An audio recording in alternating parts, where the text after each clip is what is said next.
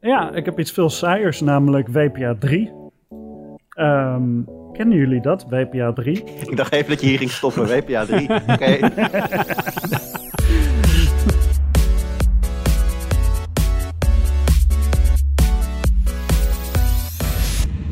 Hoi, leuk dat je luistert en welkom bij de Tweakers Podcast, aflevering 170. Mijn naam is Arnoud en als je mijn stem hoort, dan weet je dat het betekent dat Wout nog een weekje langer dan ik kan genieten van zijn vakantie. Uh, want Jurian Ubachs, uh, Jur, hoi. Hallo, hi, jij, jij, nam het, jij nam het Ja. over uh, vorige week. Ging Ja, nee, goed, maar hè? super, super gezellig. We konden gewoon lekker over de E3 houden hoeren. In de, in, de, in de highlights dan een onderwerpje waar we vandaag natuurlijk nog een beetje verder gaan straks. Dus eh, nou, ik zal niet te veel verklappen. Nee, was, eh, was, was leuk. Ik heb Yes. jullie echt totaal niet gemist. Gelukkig maar. En ook in deze podcast Jelle Stuip Hallo. en Olaf van Miltenburg. Hallo. En waar gaan we het over hebben? Ja, we- weten jullie nog begin maart 2020 toen corona nog iets was voor China en Italië en Microsoft nog van plan was om Windows 10X uit te brengen? Daar hadden we het toen namelijk over in podcast nummer 102. Oh, dat weet ik niet meer. Super lang geleden. Eh, maar inmiddels zijn we dik 15 maanden verder. En niet alleen is de wereld ondersteboven gehaald. Ook Microsoft heeft zijn plannen iets omgedraaid. Namelijk, eh, het wil Windows 11 gaan uitbrengen. Daar gaan we het straks over hebben. Ehm, want die presentatie is donderdagavond Nederlandse tijd.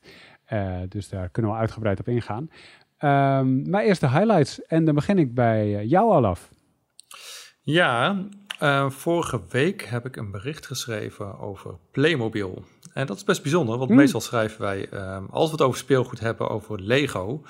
Ehm, maar nu was daar eh, informatie verschenen over een eh, Playmobil set van Star Trek. En dat vond ik erg leuk, ehm, want nou ja, eh, we schrijven vaak over Lego. En als je het hebt over Lego en ruimtevaart, dan denk je gauw aan Star Wars.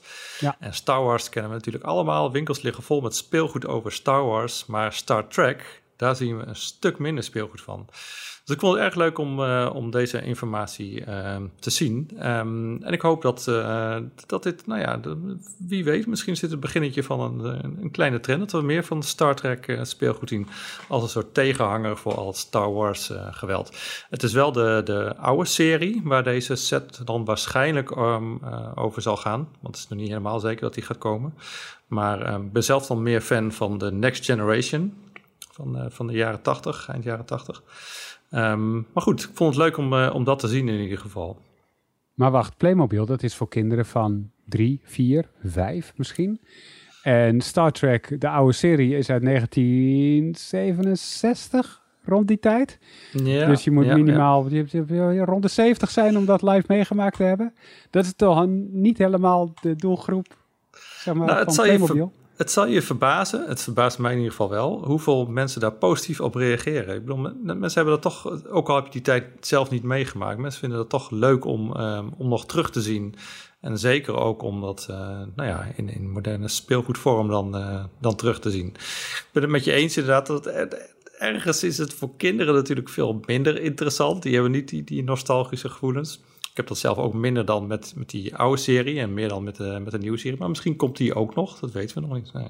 Maar dat is toch ook gewoon heel erg slim, want die kinderen die, die gaan dat niet kopen. Die gaan niet naar de winkel om dat te kopen. Het zijn opa en oma, papa en mama. Die moeten Ja. uiteindelijk betalen. Dus Ja.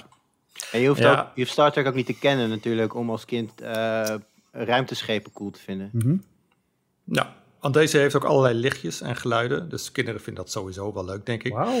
Ehm, alleen het prijskaartje is wel een dingetje natuurlijk. Dus de- volgens de geruchten gaat hij dan 500 eh, dollar eh, kosten. Dat is niet Oh. iets wat, wat papa en mama even snel in een impuls aankoop voor hun kroost gaan, eh, gaan kopen, denk ik. Nee, zelfs al hebben ze er nostalgische gevoelens bij. Maar dat is op zich wel cool dat, dat, dat er lichtjes en weet ik veel wat bij zitten. Want ik had toen ik klein was ook Playmobil. Nou, dat had echt geen lichtjes hoor. Dat was best wel, ja, best wel saai. Ik vond Lego leuker, want daar kon je tenminste mee bouwen. Ja. Ja. ja. Ja, en ze hebben best wel, tenminste, als die zo gaat uitkomen zoals die eh, in die berichten ehm eh, verscheen, zeg maar, hebben ze het best wel slim aangepakt. Je krijgt er ook zo'n zo'n kabel bij, dat je hem aan je plafond kan, eh, kan, kan laten bungelen. Dus ik zie het al helemaal voor me, zie dan met lichtjes en geluiden daar. eh. En je krijgt er een standaard bij, dat je hem gewoon mooi neer kan zetten. Dus ze hebben, als het dus zo gaat uitkomen, dan hebben ze er wel echt over, goed over nagedacht. Dat dat inderdaad ook wel voor mensen is om gewoon ja, mooi tentoon te, te stellen. Ja, maar ja, of die uit gaat komen is nog de vraag. Ik zag wel een bericht van iemand die zegt, van, blijkbaar een Playmobil-kenner, die zegt van ja, dit is wel heel bijzonder voor Playmobil dat dit nu op deze manier zo naar buiten komt. Want meestal kondigen ze die sets wel vrij ver van tevoren uit en deze zou dan in september uh, uitkomen. Dus dus nog even afwachten of het, uh, of dat gaat gebeuren. Wauw. Ik, uh, ik, kijk even naar, naar jullie, Jure en Jelle. Star Trek speelgoed, meer of maakt niet uit? Boeit ja, maakt me echt helemaal niets uit, zolang je maar Star Wars blijft maken. Hmm. Met, je, met je laatdunkende houding, Olaf. God, ik, dat had ik nog niet verwacht, zo'n opmerking van de van On, uh, unrelated side note, het, uh, het Frozen kasteel is in de reclame trouwens. Dus mocht je die nog willen in Lego vorm, dan kun je die ook uh, gaan bestellen. ik, gooi ik er gewoon even door mee wat je wil, beste luisteraar. Maar dat, ja, dat weet ik dan weer. en, en welk kamp zit jij, ja, Jelle? Het, het, interesseert me allebei niet. Ik heb, ik heb Star Wars gekeken. Ik vond er niet veel aan. Star Trek ook niet. Uh, volgens, mij, volgens mij heb ik dat eerder bij de podcast verteld. Dat, dat het bij allebei niet zoveel interesseert. Ja, ik dus, vind nog steeds um, een onacceptabel antwoord. Maar wat ik wel, ja. uh, even on een meer serieuze noot. De meerwaarde van die Star Wars projecten die dan worden uitgebracht in Lego vorm. Voor mij zit hem in eerste instantie in de uitdaging. Hè? De, de, die Dead Star of die hele grote Star Destroyer, die, dat zijn gewoon duizenden blokjes waar je gewoon dagen, weken aan bezig kunt zijn met meerdere personen als je daar, als je daar zin in hebt. En dan heb je iets wat heel, uh, ja, heel mooi tentoongesteld kan worden als je daar ruimte voor hebt in je huis. En ik mis hem, dat is het randje dat ik een beetje mis bij dit.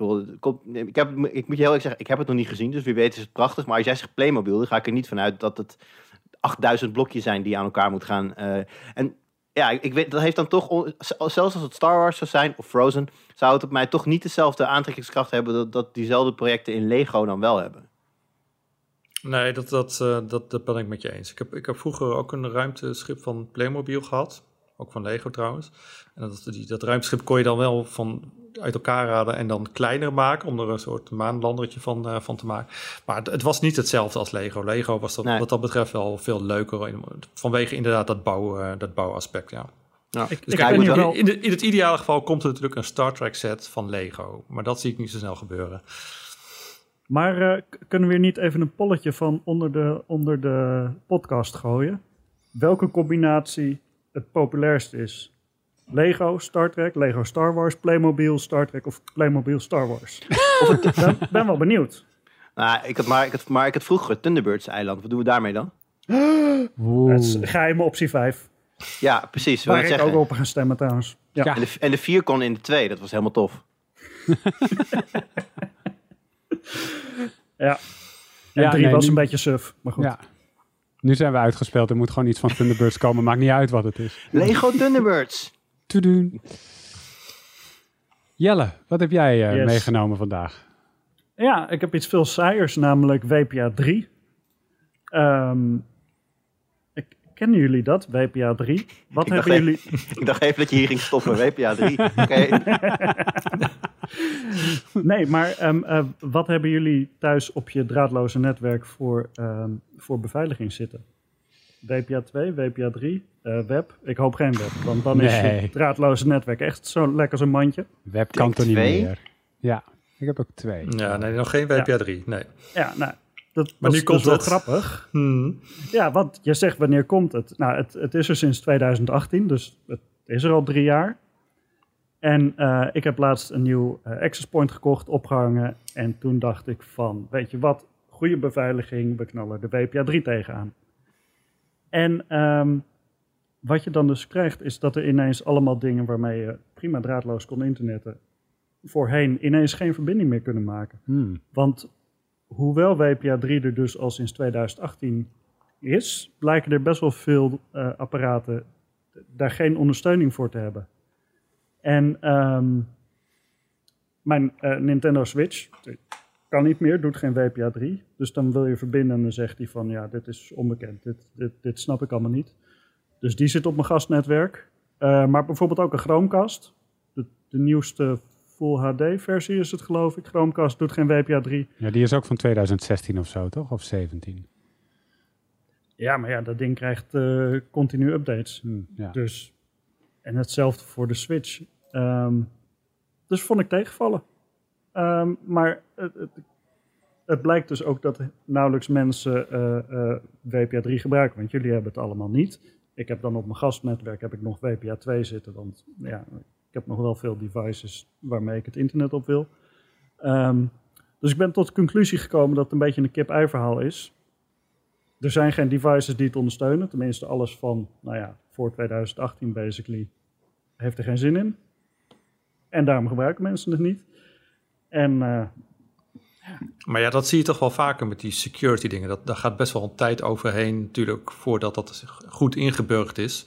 En gelukkig maar ook dat ze daar gewoon ruim op tijd mee beginnen met nieuwe generaties. Want WPA 2, het kan gekraakt worden, maar het is ook weer niet zo dat we nu massaal over moeten, want onveilig of zo, toch? Nou ja, dat, dat, is, dat is ook een beetje de grap. Op het moment, het, het grootste nadeel aan WPA 2 is, voor zover ik het begrijp, dat je uh, pakketjes kunt opvangen. Dan kan je gezellig naar huis gaan en een, een, een uh, dictionary attack erop loslaten. En gewoon echt brute force wachtwoorden gaan proberen. En dan, als je dat wachtwoord gevonden hebt, dan, dan kan je weer teruggaan naar dat, naar dat draadloze netwerk waar je dat hebt gecaptured. En dan kan je dan toegang krijgen. Ehm, en als je dus echt gewoon een lang wachtwoord hebt van uh, weet ik veel hoeveel tekens, ja, dan is het gewoon niet te doen. Dus uh, zo, zo bang ben ik, uh, ben ik ook niet voor WPA 2. beste luisteraars, als jullie nog WPA 2 gebruiken, wat jullie waarschijnlijk allemaal doen. ook leuk voor een polletje. Gebruik je nog WPA 2 of zit je al op 3? Um, ehm, ik probeer niet, jullie niet bang te maken, maar ik heb wel zoiets van, ja, moet het, moet het ondertussen niet gewoon een beetje de standaard worden, WPA 3? Maar dit is toch hetzelfde als met, uh, ik noem maar even iets anders, USB-C. Uh, wat, wat in 2015 verscheen.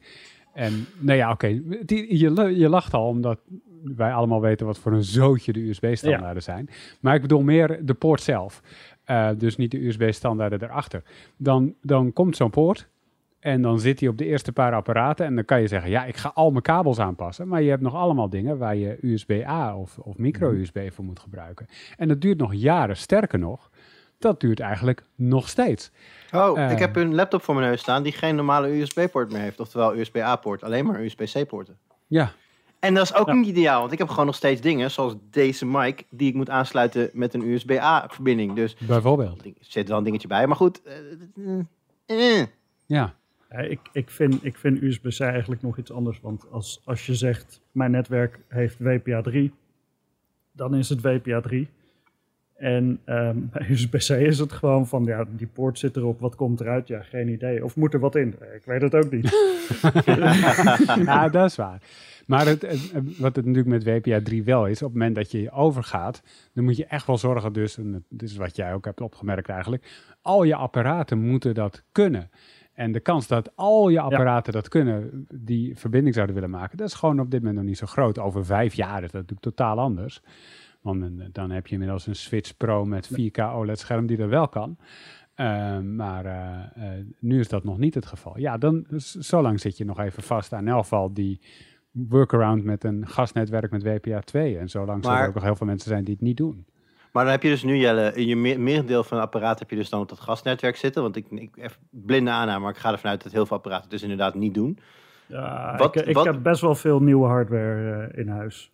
Oh ja, jij bent tweakersredacteur natuurlijk, dan krijg je dat. Maar uh, even, uh, op een gegeven moment vraag ik me af, als er nog zoveel op dat oude netwerk zit, ja, wat bescherm je dan nog door, met, met WPA 3 als al die andere apparaten toch allemaal op, op het gasnetwerk zitten en dus minder beveiligd zijn? Nou ja, kijk, het, het, gas, het enige wat gasnetwerk doet is verbinding met het internet maken en verder niet. Ah, oké. en, ja. en, en op het moment dat je op het, op, op het WPA3-netwerk zit, dan kan je dus ook eh, bij mijn NAS, eh, bij al mijn files. Ja, um, Daar staat client isolation ook uit. Dus onderling kunnen de cliënten, de, de, de, clients elkaar zien. Dus dat is nog wel, dat is nog wel een verschilletje. Um, maar ja, ja, het liefste wil ik natuurlijk dat, dat ze allemaal met elkaar kunnen praten over een veilige verbinding. Maar dat betekent dus ook dat je niet bij je NAS kan vanaf die apparaten die op het gasnetwerk zitten. Dus dat is echt totaal niet handig, toch? Klopt. Oké. Nou ja, het, het, is in zoverre niet handig. Kijk, mijn Switch hoeft niet zo nodig daarop. En mijn, uh, ja, ik heb laatst mijn Chromecast uh, de deur uitgedaan en er hangt nu een Apple TV aan. Um, via een draadje overigens. Maar als het zou moeten, dan kan hij ook WPA 3. Dus dat, dat scheelt. Ja. Yes. Jur, wat heb jij meegenomen vandaag? Ja, ik ga jullie even meenemen naar de Nederlandse game studio die geen Silent Hill game of Hideo Kojima game aan het maken is. Maar toch is iedereen ervan overtuigd dat dat wel degelijk het geval is. Vertel, Namelijk, dit klinkt als een leuk verhaal. Ja, ik ga er even goed voor zitten. In, uh, in april heeft uh, de, game studio, Nederlandse game studio Blue Box Game Studios uh, een, een game aangekondigd onder een werktitel Abandoned. En daar, en daar al een beetje cryptische aanwijzingen bij gegeven, zoals de echte titel zou uiteindelijk beginnen met een C, eindigen op een L. Uh, het is een horror game. Uh, nou, en toen uh, begon, uh, ging het internet helemaal wild, want er wordt al heel lang gewacht op een nieuwe Silent Hill game van Hideo Kojima. Die heeft destijds een horrorproject gedaan met PT. Daar zou een Silent Hill game uitkomen, maar dat is uiteindelijk niet gebeurd. Dus dacht internet, hey, wacht eens eventjes. Dit is Hideo Kojima's nieuwe Silent Hill game. Waarom? Omdat Hideo in het, in het verleden ook al eens een fake studio heeft aangemaakt en een fake CEO heeft gedaan. Dat was Moby Dick Studio. Uh, met CEO Joachim Mogren, waarbij Joachim Mogren eigenlijk een ingehuurde acteur was. En die studio heeft uh, een, een werktitelgame aangekondigd en die game bleek uiteindelijk Metal Gear Solid 5 The Phantom Pain te zijn. Dus dacht iedereen, hey, dit is exact hetzelfde als dat, dit is die nieuwe game. Behalve dan dat het niet zo is. Uh, Bluebox, Bluebox Game Studios bij monden van, even kijken, ik had die naam ergens opgeschreven. Oh ja, Hassan, Hassan Karaman, die heeft dus nu een filmpje geplaatst van ik ben Hassan, ik besta echt, ik ben geen acteur. uh, ik ben de CEO van Bluebox. En um, wij zijn ons game aan het maken en dat is niet Silent Hill. Ze hebben een perscommunicatie uitgegeven dat ze niet Silent Hill maken. Dat ze niet niks met Kojima te maken hebben. En het spijt ze dat ze kennelijk clues hebben gedropt die daarop zouden kunnen wijzen. Maar internet wil hier niets van weten. Want internet zegt, nee nee, internet zegt, wacht even. Karaman, jouw achternaam betekent Turks in het held. En dat is dan ook weer in het Japans een synoniem voor de naam Hideo Kojima. Dus we zijn nog lang niet te we zijn nog lang niet te dus, dus daarop kwam Bluebox opnieuw met een statement vorige week. Uh, nou ja, goed, een beetje woorden van gelijke strekking. Ja, je kan op een gegeven moment maar zo vaak verklaren. Uh, trouwens, de, de eveneens redelijk bekende uh, Nederlandse ontwikkelaar Rami Ismail is er ook ingedoken. Die heeft gecheckt bij de Kamer van Koophandel of het een legit bedrijf is. Dat is het, bestaat al vrij lang. Hebben al eerder, hebben al eerder iets gemaakt gewoon, eh, Rami heeft ook letterlijk gezegd van dit is niet een, een Shell-inschrijving of, of, zo, een, een, een, lege huls. Dit is gewoon een recht bedrijf. Jullie hebben het bij het verkeerde eind.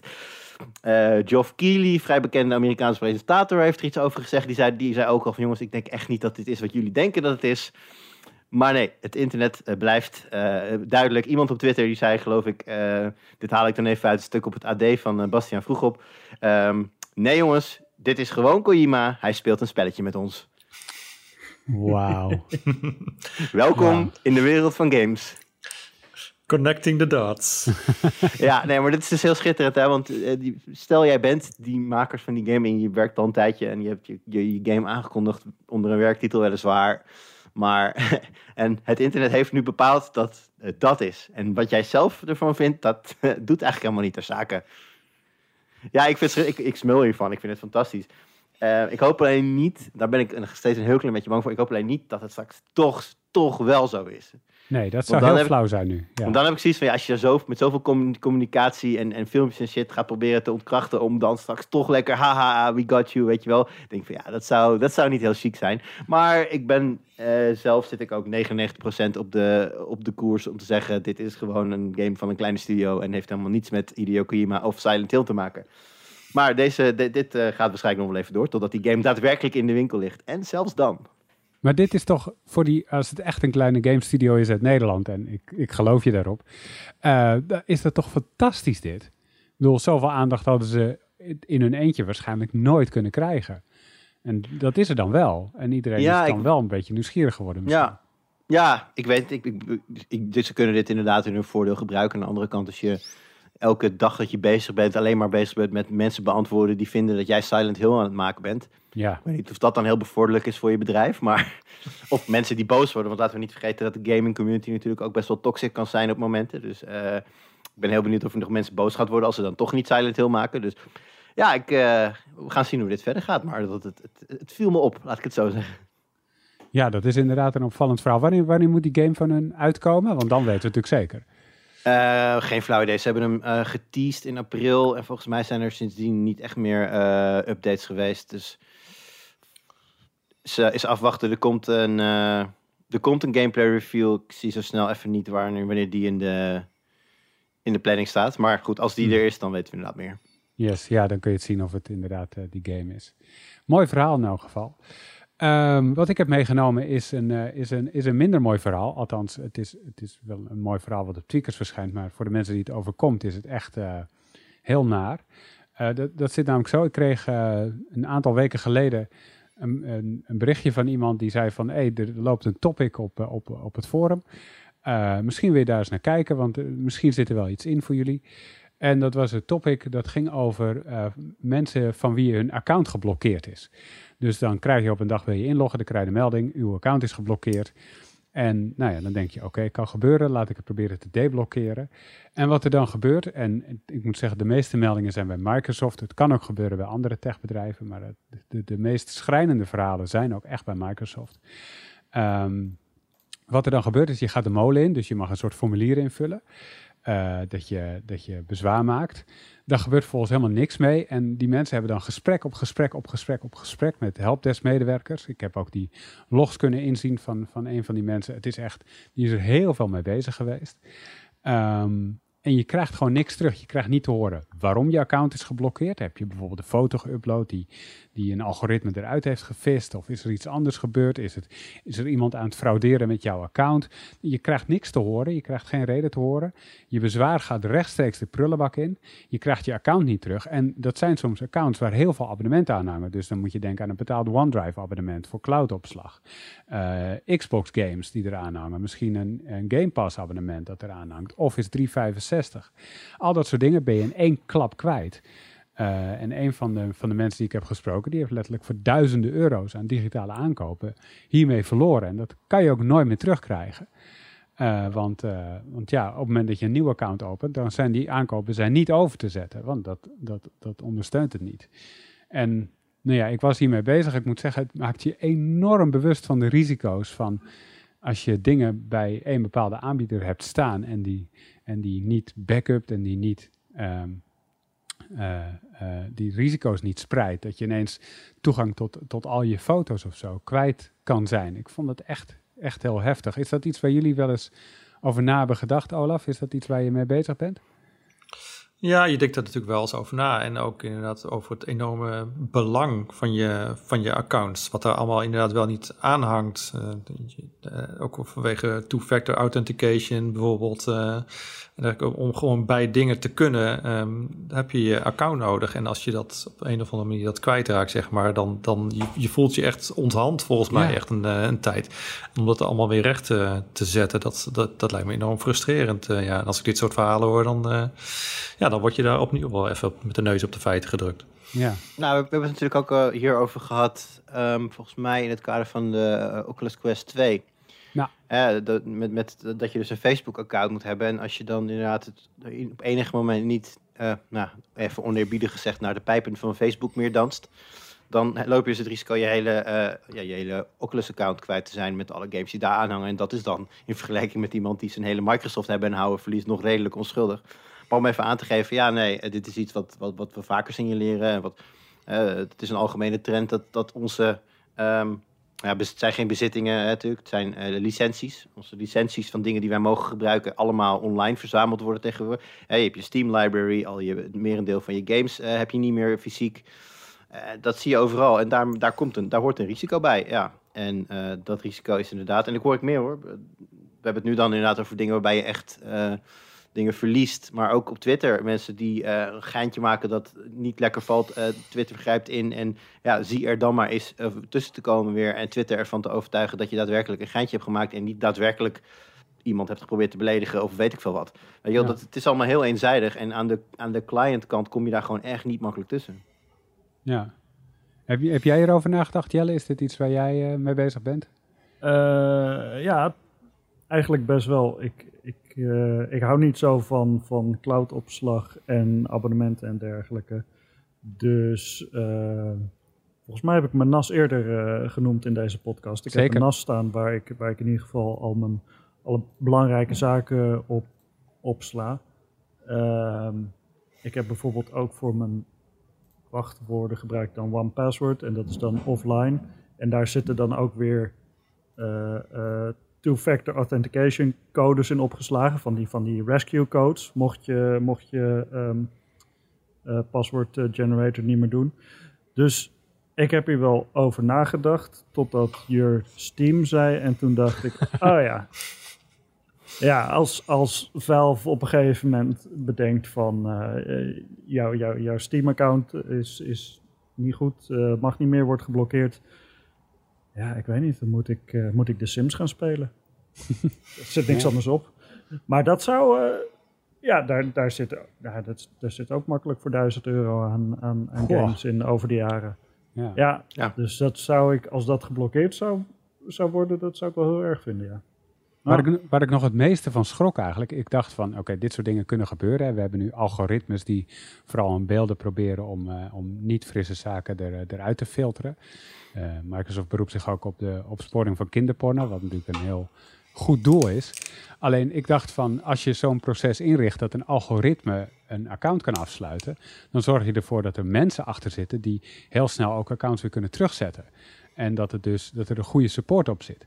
En dat is dus niet het geval. Ik heb ook de cijfers uh, ervan gezien. Als je, als je door Google's, nee, de Google's, door Microsoft's algoritme uh, ervan verdacht wordt dat er kinderporno in jouw account heeft gestaan, dan is de kans vorig jaar dat je hem terugkreeg was 0,005 procent. Ja, ze hebben in totaal, ik geloof, enkele tientallen accounts van mensen die daarvan door het algoritme werden beschuldigd, hebben ze uiteindelijk teruggezet. Ik denk alleen naar rechtszaken, want dit is wereldwijd. Uh, en voor de rest eigenlijk vrijwel nooit. Er is een geval van uh, in Nederland van iemand waarbij dat ging niet om kinderporno, maar dat zou om onvrijwillige seksuele handelingen zijn gegaan. Of iets in die orde, maar daarvan kon diegene aantonen dat het zijn vriendin was die dat voor uh, werk deed, modellenwerk. Um, en, en toen lukte dat wel. Maar ja, sommige mensen vermoeden dat bijvoorbeeld komt doordat ze hun WhatsApp-foto's uh, backuppen naar hun, naar hun cloudopslag. En dan sturen mensen bepaalde grappen toe of memes toe die volgens uh, Microsoft over het randje gaan. En dan, uh, dat is in ieder geval één geval van bekend van een rechtszaak vorig jaar waarbij dat inderdaad het geval was. Ja, en diegene die heeft niet gewonnen bij de rechter, want die heeft gezegd, ja, dit is wel, dit is, dit is, wil, je kan niet bewijzen dat je, dat, dat je het niet hebt gezien of dat je het niet moedwillig in de cloud hebt gezet in elk geval. Dus dat maakt het heel lastig en je hebt ook weinig rechten. Uh, je staat juridisch kennelijk niet super sterk. Dus ik vind, het, ik vind het echt een lastig verhaal. Dus dit is echt iets waarbij voorkomen beter is dan genezen, denk ik. Maar ja, ja het, is wel inderdaad um, wat je zegt ook. En aan de ene aan de ene kant uh, vertrouwen wij dit soort bedrijven onze, al, al onze data, onze belangrijke uh, en persoonlijke data toe. Um, en ook onze waardevolle dingen, zoals onze games, waar we geld aan uit hebben gegeven. En aan de andere kant, we hebben eigenlijk geen menselijk contact met die, uh, met die tech-giganten. Hè? Dat is, en het is ontzettend moeilijk om daar ook gewoon ja, menselijk, iemand met kennis van zaken, zeg maar, voor, voor te spreken. Dat is eigenlijk best wel een discrepantie die, daar, die daar speelt. Ja, inderdaad. In elk geval, ik heb die mensen dus gesproken. Ik heb ook Microsoft en Google gesproken, juristen gesproken voor dit verhaal. Komt, uh, dat komt, het is een soort van vroege sneak peek dit eigenlijk in plaats van een highlight. ja. Uh, komt uh, later deze week online. En over dingen gesproken, Olaf, die later deze week gaan gebeuren. Ehm, er komt een Windows 11 presentatie, althans. Dat, dat vermoeden hebben, want er was een beeld uitgelekt. Hadden we het vorige week al over in de podcast. Althans, wij niet, hier wel. Mm -hmm. Uh, daarin stond ook de naam Windows 11. En de eerste vraag die bij me opkomt, en ik hoop dat jij het antwoord hebt. Waarom komt er Windows 11? Want Windows 10 zou toch de laatste versie ooit zijn? Nou, dat laatste, dat is toch een beetje een eigen leventje gaan leiden. Maar dat heeft Microsoft nooit zo hard gezegd.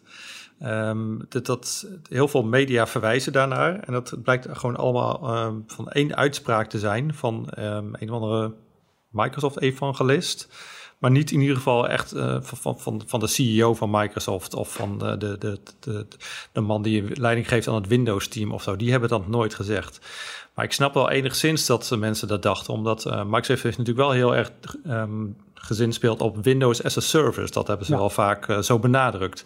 En dan denk je al gauw van oké, we, we, hebben nu Windows 10. Die krijgt twee keer per jaar krijgt hij een grote update. En nou ja, uh, een dienst blijf je gewoon ontwikkelen. Dus we blijven gewoon bij Windows 10 zitten. Dus ik snap al waar dat vandaan komt. Maar het is nooit echt zo gezegd van Windows 10. Er komt nooit meer een opvolger. Er zal nooit meer een Windows 11 komen. Zo is het niet. Nou, daar heb ik twee dingen tegen in te brengen.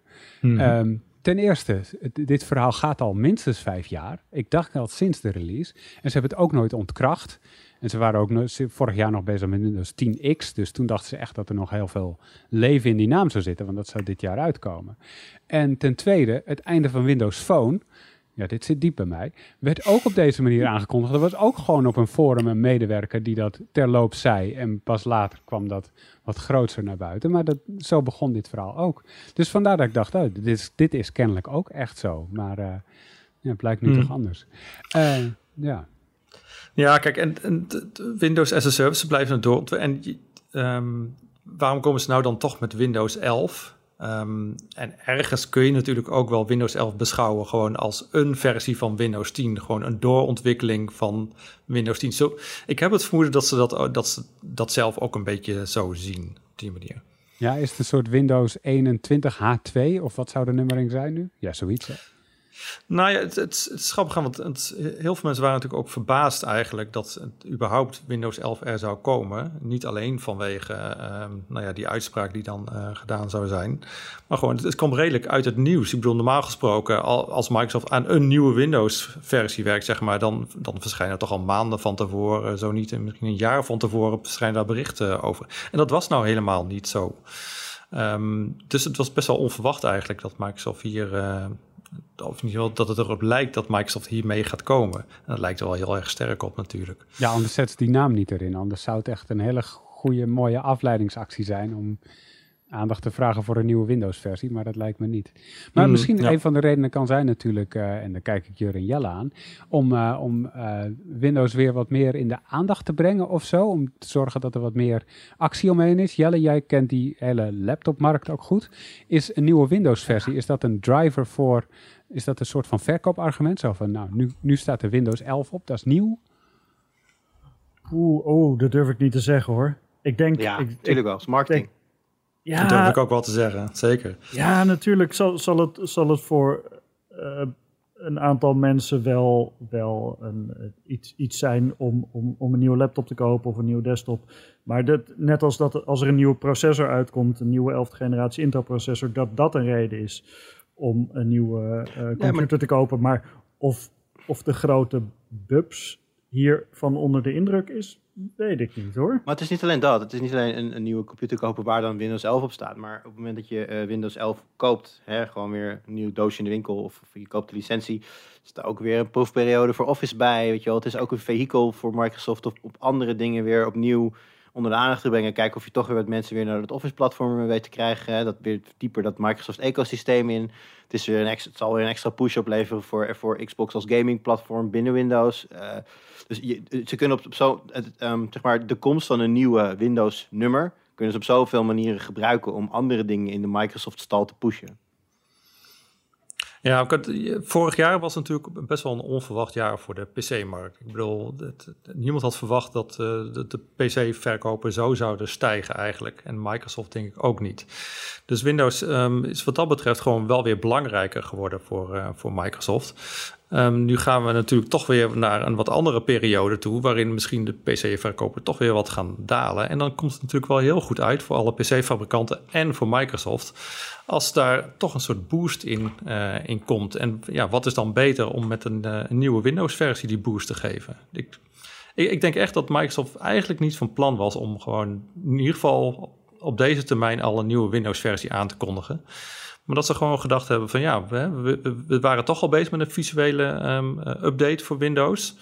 Um, Windows 10, 10X, wat toch niks is geworden, zeg maar. Dat, ja, dat is toch ook een beetje een jammerlijk verhaal. Om, en om dat toch weer Windows een beetje goed in de spotlight te zetten, plakken we er even gewoon een nieuwe naam op.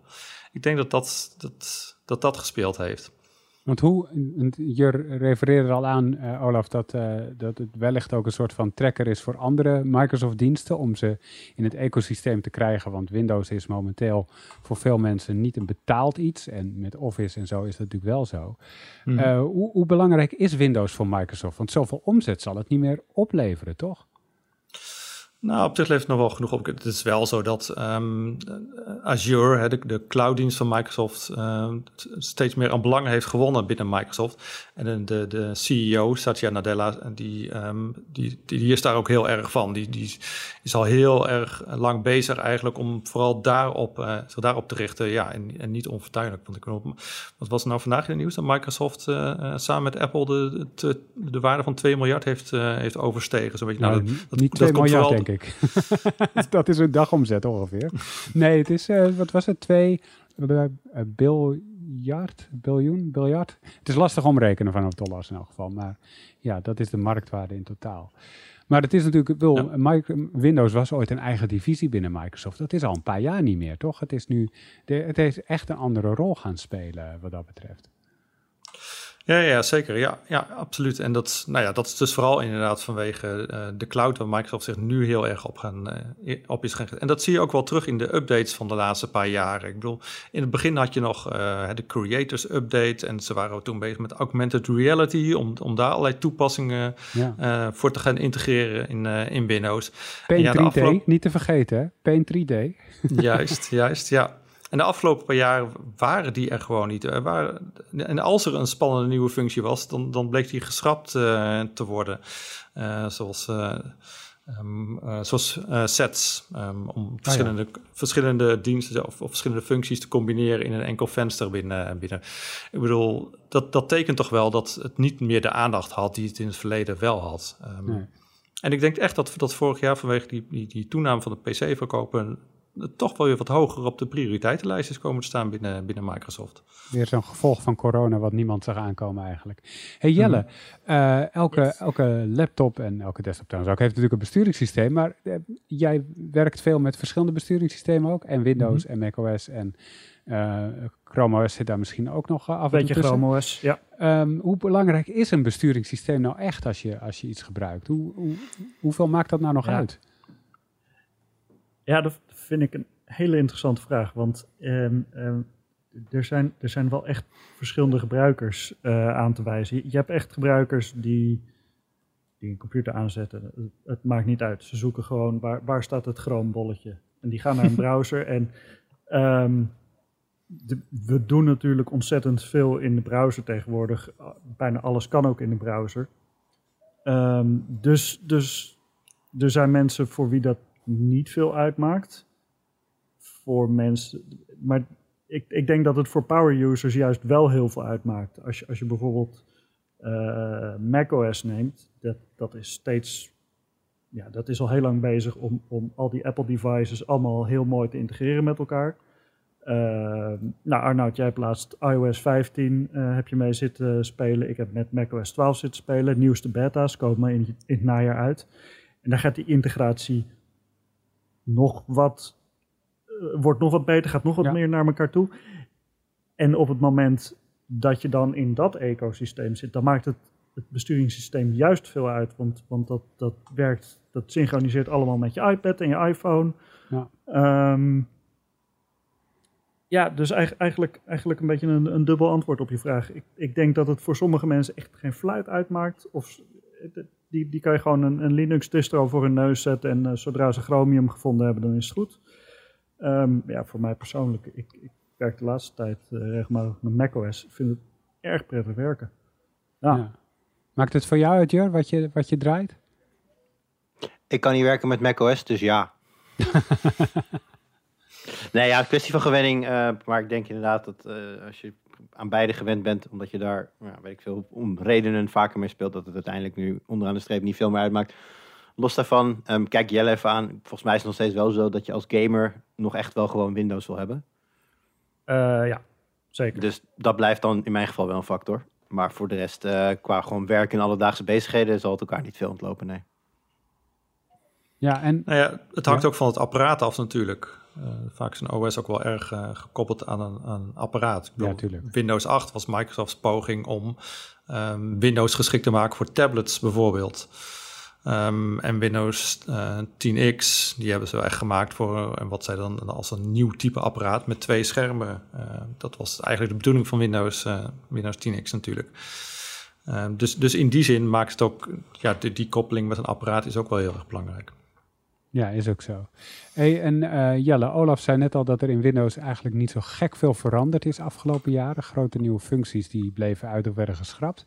Hoe is mhm. dat op macOS eigenlijk afgelopen jaren gegaan? Is daar, zijn er wel grote veranderingen geweest? Behalve natuurlijk een verandering in eh, processorarchitectuur, maar dat is mhm. alleen bij de nieuwe machines. Is er verder veel veranderd? Nou ja, dat was, dat was wel, die, die overstap van Intel naar ARM was natuurlijk wel groot. Mega, ja. Um, ik, ik, ik, ik, ik vind dat Apple grotere veranderingen maakt en ook kan maken dan, uh, dan, dan Microsoft. Um, je, je ziet daar bijvoorbeeld, Apple houdt niet van legacy spul. Mm -hmm. En ze, had, ze, hadden bijvoorbeeld op een gegeven moment uh, uh, als, als videorenderer hadden ze OpenGL. Nou, toen hebben ze op een gegeven moment Metal ontworpen. En um, binnen een paar OS-versies was, was OpenGL ook gewoon helemaal exit. Um, hetzelfde geldt voor uh, ondersteuning voor 32-bits applicaties. Dat werd op een gegeven moment aangekondigd. Jongens, 64-bits applicaties maken. En um, op het moment dat je nu nog een oude 32-bits Mac-applicatie opent op je Mac, dan staat er van... Uh, ja, sorry, dit draait niet. Contacteer de developer van deze applicatie voor een update. Ah. En, en, en dat, dat is ook best wel een arrogante houding natuurlijk van, van Apple. Want die zeggen van, dit is hoe het moet en, en anders niet. En die zeggen niet, hè, op, zeker zo'n melding zegt niet van... Oh ja, ja, sorry, we ondersteunen geen 32-bit software meer. Nee, die zeggen gewoon van ja, had de developer maar betere, betere ondersteuning moeten bieden. Ja. Um, het keerzijde van de medaille, of, of het, het, wat dit oplevert aan Apple, is dat ze natuurlijk, ze hebben best wel een, een lean, uh, licht besturingssysteem dat gewoon echt supergoed draait op die beperkte set hardware die ze ondersteunen. Ja. Dat kan bij Windows natuurlijk daar, daar is geen sprake van. Dat, dat, dat moet gewoon op zoveel mogelijk hardware draaien. Um, zoveel mogelijk randapparatuur ondersteunen. Ik heb laatst ook op een, een ik probeer een externe uh, netwerkkaart voor een, uh, voor een MacBook te zoeken. Het is één groot drama. Ja, dat heb je niet op Windows. Op Windows werkt gewoon alles, oude software, oude hardware. Ja. Um, en ik ben nu even mijn punt kwijt. nee, je, punt is, je punt is duidelijk. Op Apple, op macOS, daar, daar, daar gaan de veranderingen veel sneller. Terwijl op Windows, ja. die draagt die legacy nog tientallen jaren. Met zich, nou, tientallen jaren vul ik zelf in. Maar voor mij is het dat wel. Met zich ja. mee. Ja. En dat zie je inderdaad op allerlei vlakken. Ik bedoel, tot dan Internet Explorer toe. Ik bedoel, ja. hoe lang hebben we, zitten we niet opgeschreven met Internet Explorer? Omdat er bepaalde zakelijke apps geïntegreerd zijn via die, uh, via die plugins inderdaad in, in, in de browser. En dan, dan, dan durft Microsoft het niet aan inderdaad om daar gewoon ja. uh, duidelijk te, in te zijn en gewoon er een einde aan te maken. Ik, ik zag iets hilarisch in een, in een screenshot van Windows 11. In, in Windows 98 werd e-mail toegevoegd aan, aan Windows en kwam op het configuratiescherm daar een, icoontje voor, een wereldbolletje met, met een postvakje ervoor dat zit nog steeds in Windows 11. dus weet ik veel, 23 jaar later zit het er nog steeds in. Ik vond ergens een screenshot met dat erop. Nou ja. En Mooi dat, toch? dat zegt wel een hoop natuurlijk ook. Klikken door de interface van Windows is soms ook een beetje een reis door de tijd natuurlijk. Dat zit er wel een beetje Ja. in. Hey. Olaf, eh, je hebt die eh, beeld van Windows 11 ook eh, geprobeerd natuurlijk. Ehm, er zijn natuurlijk wat uiterlijke veranderingen. Het startmenu is naar het, naar, het, naar het midden verschoven en zo. Wat, wat leidt je uit al die veranderingen af over de denkrichting die Microsoft heeft met Windows 11? Welke, welke kant gaat het op? Wat, wat, wat wil Microsoft hiermee bereiken? Ehm, nou, het, lijkt er een beetje op dat ze met de basis van Windows 10 gewoon wel tevreden zijn. Ik bedoel, het, het, is inderdaad gewoon uiterlijk vertoond. Het is gewoon echt een, een nieuw likje verf, ehm, zeg maar. Ehm, en het, misschien is dat ook gewoon wel goed. Misschien moeten we ook niet willen dat ze gewoon te veel aan de backend gaan, uh, gaan, gaan lopen, lopen klooien nou. Want veel mensen zijn gewoon tevreden over Windows, uh, over Windows 10. Um, en ja, dit, geeft dan weer echt even een nieuw, een nieuw aanzicht. Met inderdaad uh, wat animatietjes hier en wat schaduwen daar. En wat, wat, wat ronden in plaats van, uh, van, scherpe, uh, van scherpe hoeken. En ja, ik, ik moet zeggen, het, het geeft ook wel een prettige aanblik. En dat zag je ook wel um, in de reacties op, op de preview die we gepubliceerd hebben. Mensen vonden het eigenlijk vonden het wel over het algemeen vond het er wel gewoon prettig uitzien. En, en zo is het ook. Dus het, het, ja, het, het, is wat ik al zei. Het is gewoon even een, een, een opfrissing voor het, uh, voor het Windows wat we allemaal gebruiken. En ja, wat, wat dan verder inderdaad nog uh, in het vooruitzicht ligt. Want in principe een nieuwe Windows-generatie, als, er een, als je er een nieuwe naam uh, op plakt, dan in feite zeg je dan ook wel van we gaan wel echt een nieuwe richting op. Nou ja, wat ja. die richting dan precies gaat zijn, dat um, gaan we dan morgen horen. Um, er lijkt wel wat ook aan de back-end te gaan qua prestaties. Er zijn al wat benchmarks gedraaid met, um, uh, met die ISO die uitgelekt is. En die, dat, dat schijnen wel wat positieve resultaten in, um, um, uit voort te komen. En ik heb ook al wel gelezen dat Windows, Windows 11 straks bijvoorbeeld uh, beter om kan gaan met uh, Big Little ontwerpen van processors. Dus waarbij je een combinatie hebt van zuinige cores en krachtige cores. Uh, waarbij je dus Windows straks beter kan gaan schalen um, door bijvoorbeeld inderdaad in de basis de zuinige cores in te zetten, waardoor je langere accuduur over hebt. En als het nodig is over te schakelen op, uh, op de krachtige cores. Dus dat soort dingen zitten er misschien ook nog aan te komen. Dat is een, dat is een ARM dingetje toch? Of zijn er ook Big Little Intel uh, ja, processors? die zijn er. Die zijn er wel? Ja, en, en, maar dat is, dat is heel onopgemerkt gebleven. Dat is uh, eigenlijk deze tijd vorig jaar kwam Intel met Lakefield. Als ik het goed heb. De naam heb ik goed. Ik weet niet meer precies uh, wanneer. En Lakefield, die, die deed dat al. Daar zat dus een, een uh, tiende generatie core eigenlijk met vier Atom cores ernaast. En um, dat heb ik toen een keer gereviewd in een Samsung laptop die verder niet in Nederland is verkocht. En daarna heb ik die Lakefield chip ook niet meer teruggezien in laptops. Hmm. Dus het is... Um, nou ja, de Surface Neo zou natuurlijk ook met zo'n ja. uh, ja. processor uitgerust worden. Nou ja, wat, wat daarmee gaat gebeuren is ook, nog even, is ook nog even de vraag. Maar dat toont wel weer aan van Windows 10X, het OS dat de Neo zou gaan draaien, zeg maar, um, is geschrapt. Maar Microsoft is een heleboel uit dat OS gewoon meegenomen naar wat nu waarschijnlijk Windows 11 gaat worden. Vertel, wat dan? Waarschijnlijk dus in dat, ook dit soort dingen. Sorry? Wat dan? Wat is meegenomen uit Windows 10X naar, uh, naar Windows 11? Nou, dat, dat startmenu in het midden bijvoorbeeld, met uh, suggested apps erop en um, hè, dat dat ook zweeft, zeg maar, dat, dat zat allemaal in, um, in 10X. Um, en ook de nieuwe taakbalk, dat die in het midden zit, zeg maar, dat was ook uh, 10X. En, en überhaupt inderdaad gewoon een, een, een, wat, wat visuele veranderingen die nou naar, naar, Windows 11 komen, ja, die, die kennen we al van, uh, van 10X. Oké, dus het is eigenlijk een soort van Windows 10X rebranding, wat gewoon nu op het, op het gewone Windows-platform komt in plaats van een specialistische versie. Ja, het is een stukje gebruikersinterface wat ze ontworpen hadden voor Windows 10X, wat ze nu inderdaad overgeheveld hebben naar uh, Windows 11. De backend dan niet, want, want 10X zou werken met uh, containers. Dus applicaties die echt, echt helemaal in een afgeschermde eigen um, omgeving draaien, zeg maar, uh, binnen het OS. Um, en dat zou ook dus een einde kunnen maken aan die legacy, waar Jelle het net al over had. Want dat zou zo de mogelijkheid geven om echt, nou ja, dat oude Windows-deel zeg maar langzaam achter zich te laten en zich op een kleinere kern van, uh, uh, van, van Windows uh, te richten om daarmee verder te gaan. En dan zou je het ook op, op apparaten met minder krachtige hardware, beter kunnen laten draaien en zo. Maar goed, dat lijkt nou niet te gaan gebeuren met, met Windows 11. Maar wie weet misschien dat dat in de toekomst ook alweer aangepakt gaat worden. En zie je nog dingen die, uh, die in Windows 11 zitten, die niet in Windows 10 zitten, waarvan je zegt, ah, dat zegt echt wat over misschien de nieuwe functies die erin zitten. Want we hebben het over uiterlijke verandering of de manier waarop je met de processor omgaat, maar niet echt over systeemfuncties, de manier waarop je computer eigenlijk werkt. Zie je daar nog iets van terug? Dat daar uh, grote veranderingen aankomen?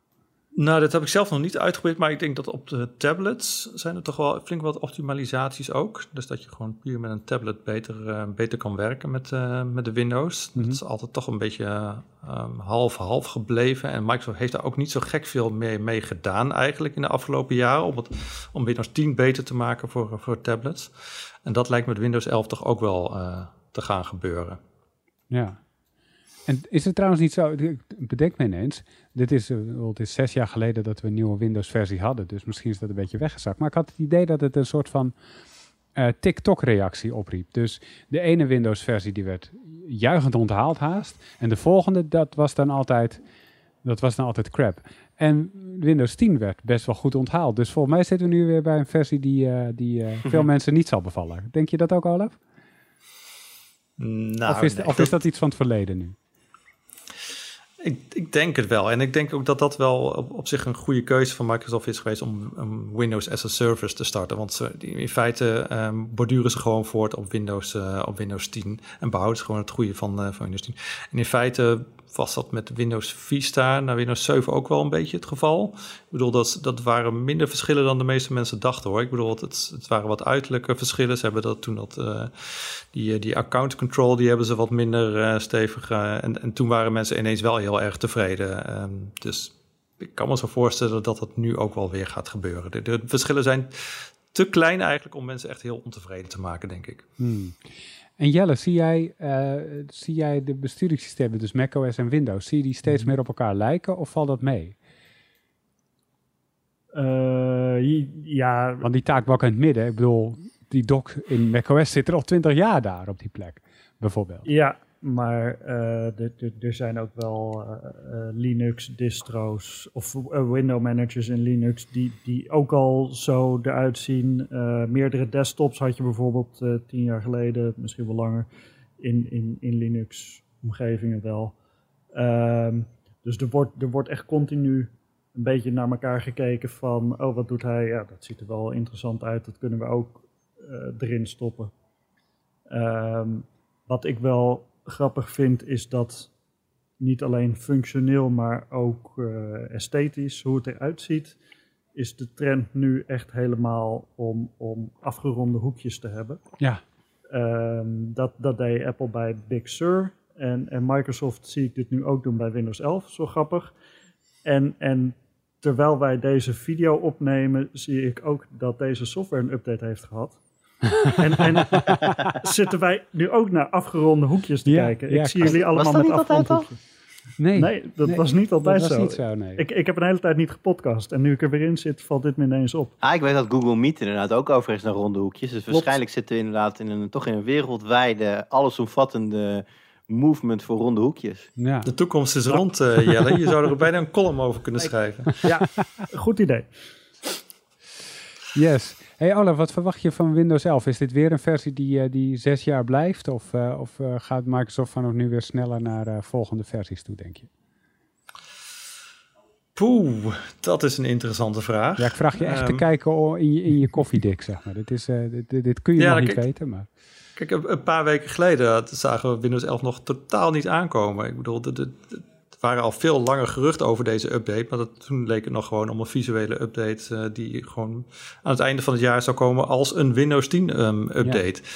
Ja. Um, dus nu Microsoft zomaar ineens een nieuwe naam erop plakt, kan er natuurlijk van alles gebeuren. Misschien zitten we volgend jaar alweer aan Windows 12. En gaan ze de, ik, nee, ik, ik zou er echt niks over kunnen durven zeggen. Nee. Dat, dat is een beetje de manier waarop, uh, waarop Apple doet ieder jaar. Uh, en Android trouwens ook ieder jaar een nieuw OS. Ja. Um, een nummertje erbij. Ja, misschien vinden ze dat ook wel uh, mooi, zo'n uh, zo'n sequentie. Kijk, Geen idee. Met, met Microsoft en dit soort namen weet je het ook nooit natuurlijk. Ik bedoel, we zijn van, van XP naar Vista gegaan, toen naar 7, toen naar 8, toen naar 8.1, toen ineens naar 10.